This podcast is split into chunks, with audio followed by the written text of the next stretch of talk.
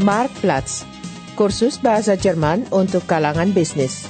Sebuah produksi bersama Radio Deutsche Welle, Kamar Dagang dan Industri Jerman, serta Lembaga Karl Duisberg.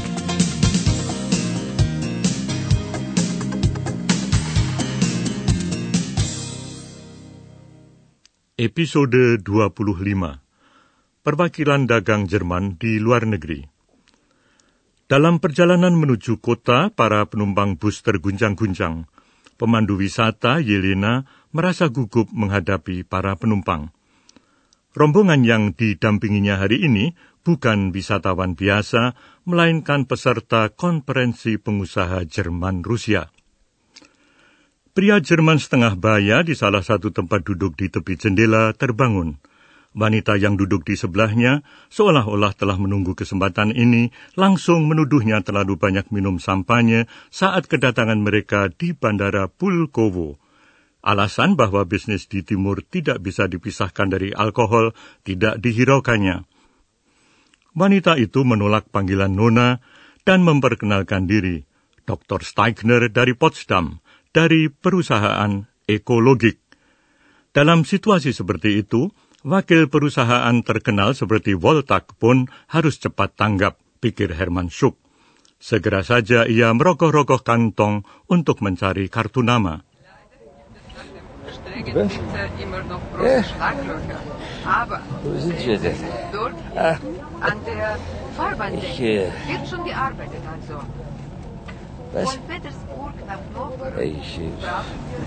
Ich, muss wohl eingeschlafen sein. Kein Wunder. Sie haben es sicher auch richtig gegeben. Was, äh, was meinen Sie? Wie, wieso gegeben? Naja, fünf oder sechs Gläser Krimskoje zum Empfang auf dem Flughafen Pulkovo. Aber im Flugzeug wurde ja auch schon Alkohol serviert. Also, mein Fräulein, ich bin jetzt für meinen Konzern seit über 20 Jahren im Ostgeschäft und ich sage Ihnen, ohne Alkohol läuft hier gar nichts. Das Fräulein können Sie sich getrost schenken. Mein Name ist Steigner. Dr. Steigner, wenn Sie Wert darauf legen. Ich vertrete die Firma Ökologik Umweltsystem aus Potsdam. Äh, hier. Hier ist meine Karte, bitte. Aber so habe ich das doch gar nicht gemeint, äh, Frau Dr. Äh, Steigner. Steigner. Angenehm, Schuck. Hermann Schuck. Ich, äh, ich leite die Moskauer Niederlassung der Voltag. Sie kennen unseren Konzern vermutlich.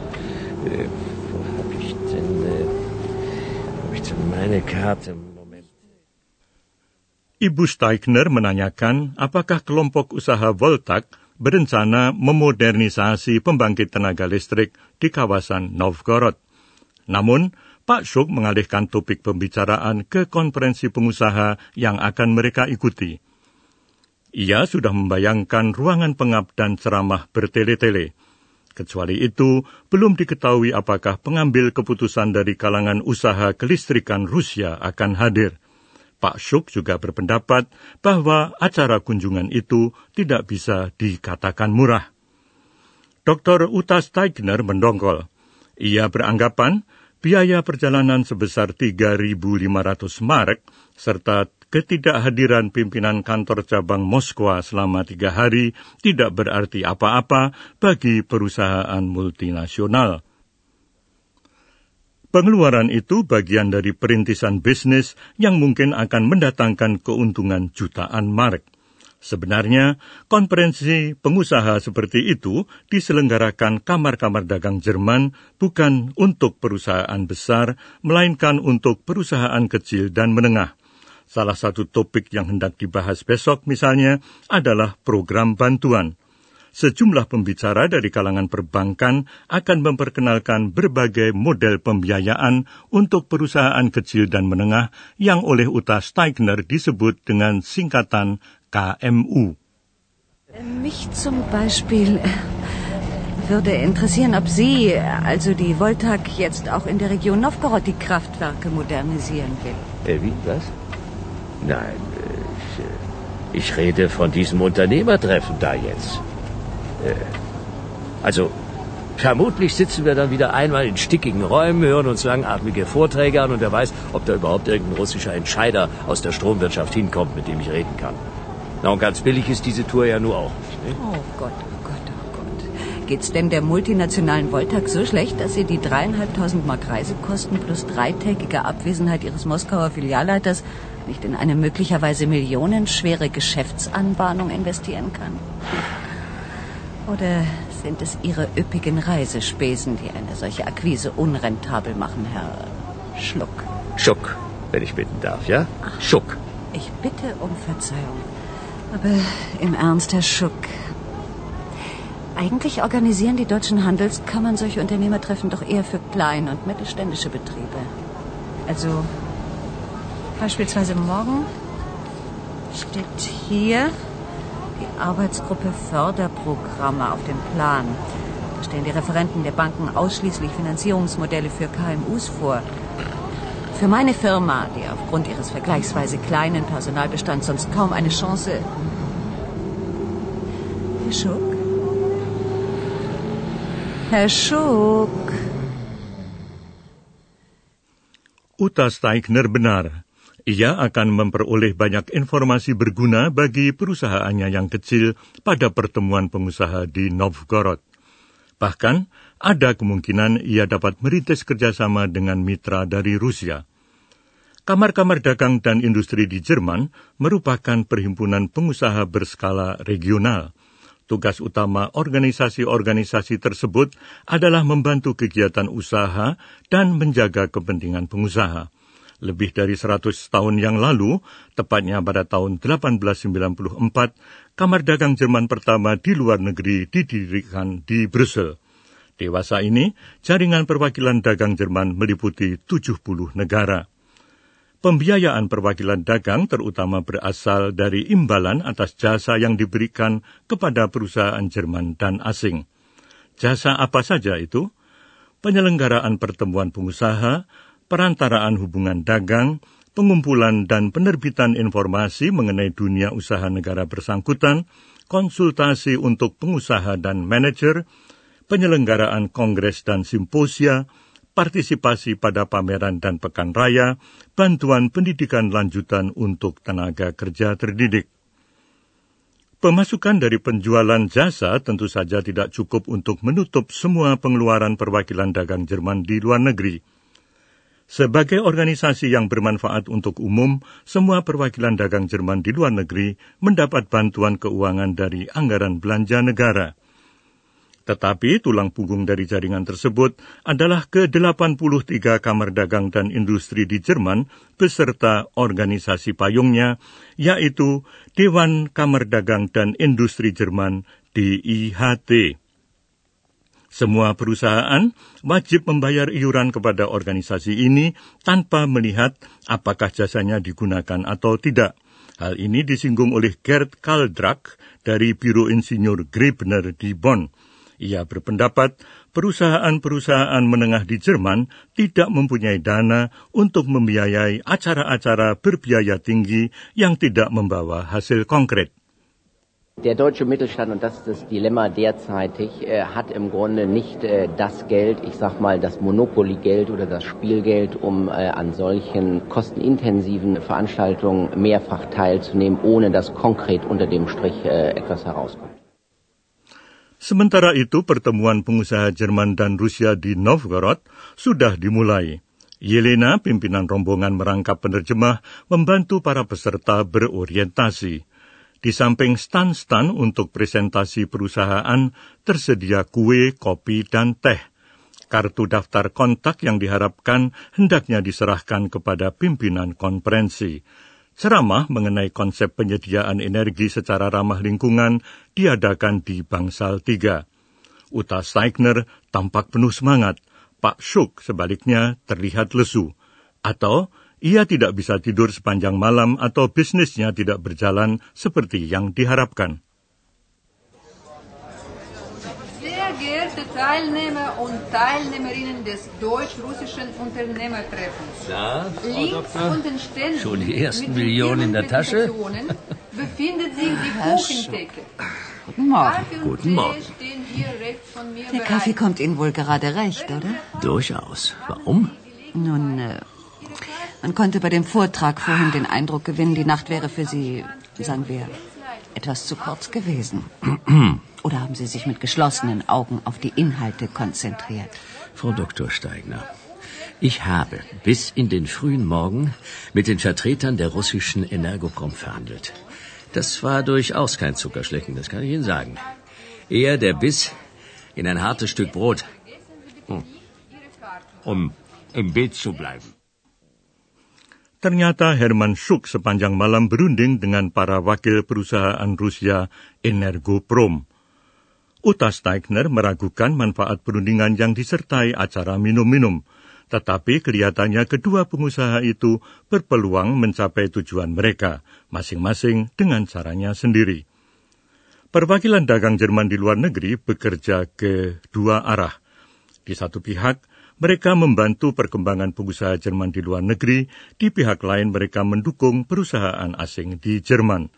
Kebijakan tersebut didasarkan atas keyakinan pada keunggulan perdagangan bebas serta pada kesadaran bahwa perusahaan yang bermaksud menjual sebaliknya juga harus berbelanja.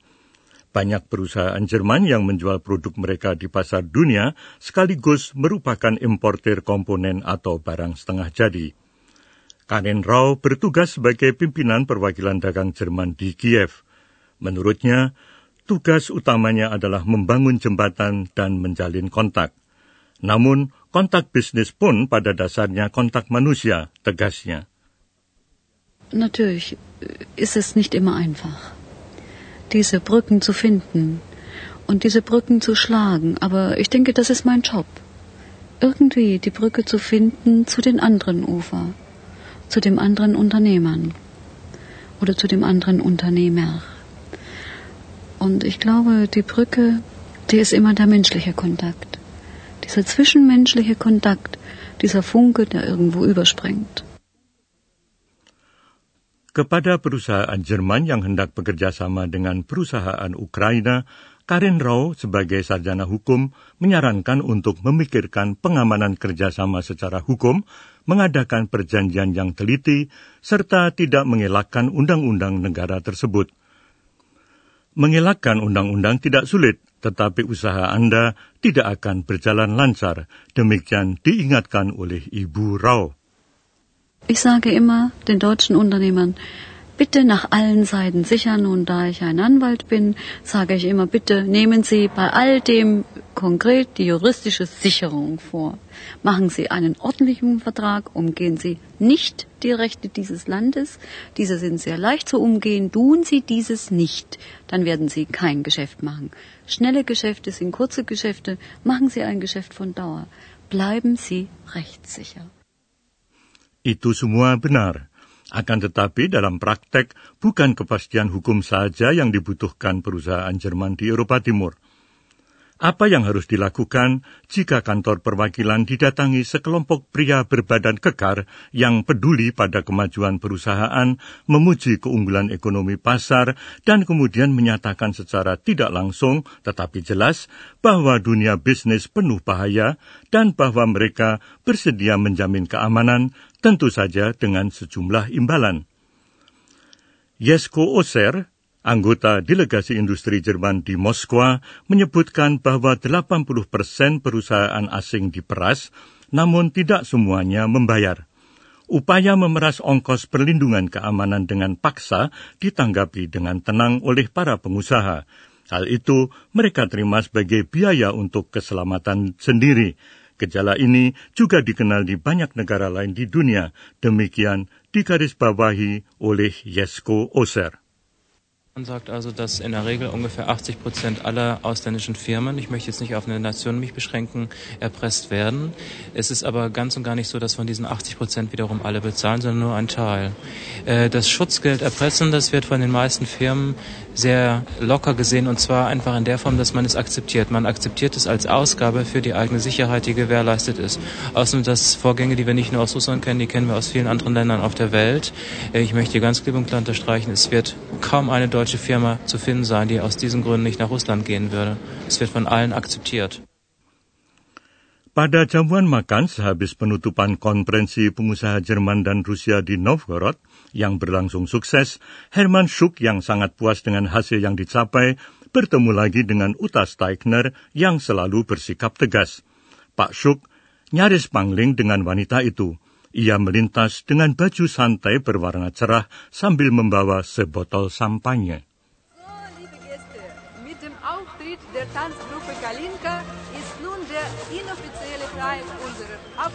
eröffnet. Hallo, Herr Schuck. Bitte vergessen Na, Sie morgen wie die Rezeption. Hat sich denn doch noch gelohnt, hierher gekommen zu sein? Sie Sie, auch Frau die Dr. Steigner, das Faxnummer. gedacht, im bunten Sommerkleid und sogar eine Flasche Sekt unter dem Arm. Aber um Ihre Frage zu beantworten, doch, doch, durchaus. Wir sind ein paar Schritte weitergekommen. Probleme machen wir allerdings die, äh, nun ja, sagen wir, beschützenden Nebenabreden, die möglicherweise auf unser Haus zukommen. Wie können Sie als mittelständisches Unternehmen solche ähm, Zusatzkosten eigentlich verkraften? Nicht verzagen, Steigner fragen. Kommen Sie, Ihr Glas ist ja leer. Jetzt trinken wir erst einmal auf unsere geschäftliche Zukunft und nehmen einen Schluck. Herr Schuck. Prost. Auf Ihr Wohl, Frau Dr. Steigner. Und jetzt lade ich Sie ein, mit an meinen Tisch da drüben zu kommen. Wir haben nämlich einen besonderen Grund zum Feiern.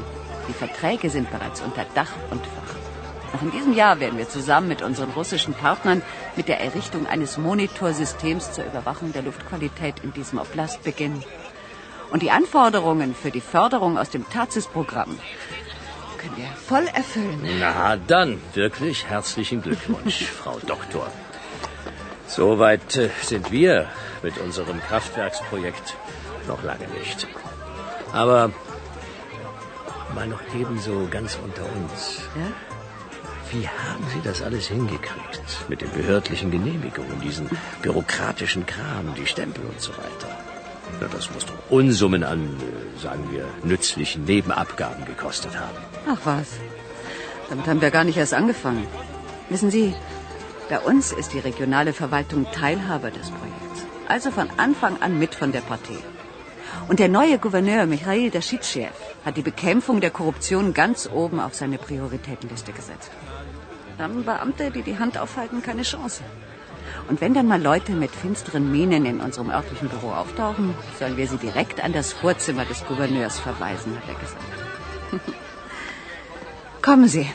Gaspar, den Michail und seine Frau Svetlana sitzen auch an unserem Tisch. Ich stelle sie Ihnen gern vor und vielleicht fordern Sie dann erstmal seine Frau zum Tanzen auf.